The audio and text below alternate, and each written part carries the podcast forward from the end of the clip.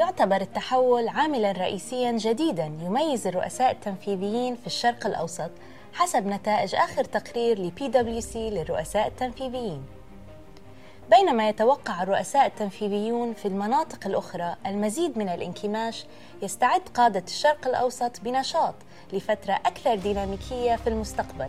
وحسب نتائج التقرير أكثر من نصف القادة ينوعون المنتجات والخدمات ويبحثون بنشاط عن موردين آخرين أكثر بشكل ملحوظ من قادة الأعمال على مستوى العالم.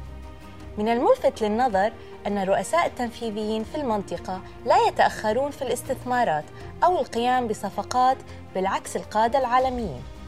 وتبين إجاباتهم أن أكثر من 70% يتطلعون لزيادة الأسعار و84% يسعون لخفض تكاليف التشغيل. تفاصيل هذه الأرقام موجودة في تقرير PwC للرؤساء التنفيذيين السادس والعشرين.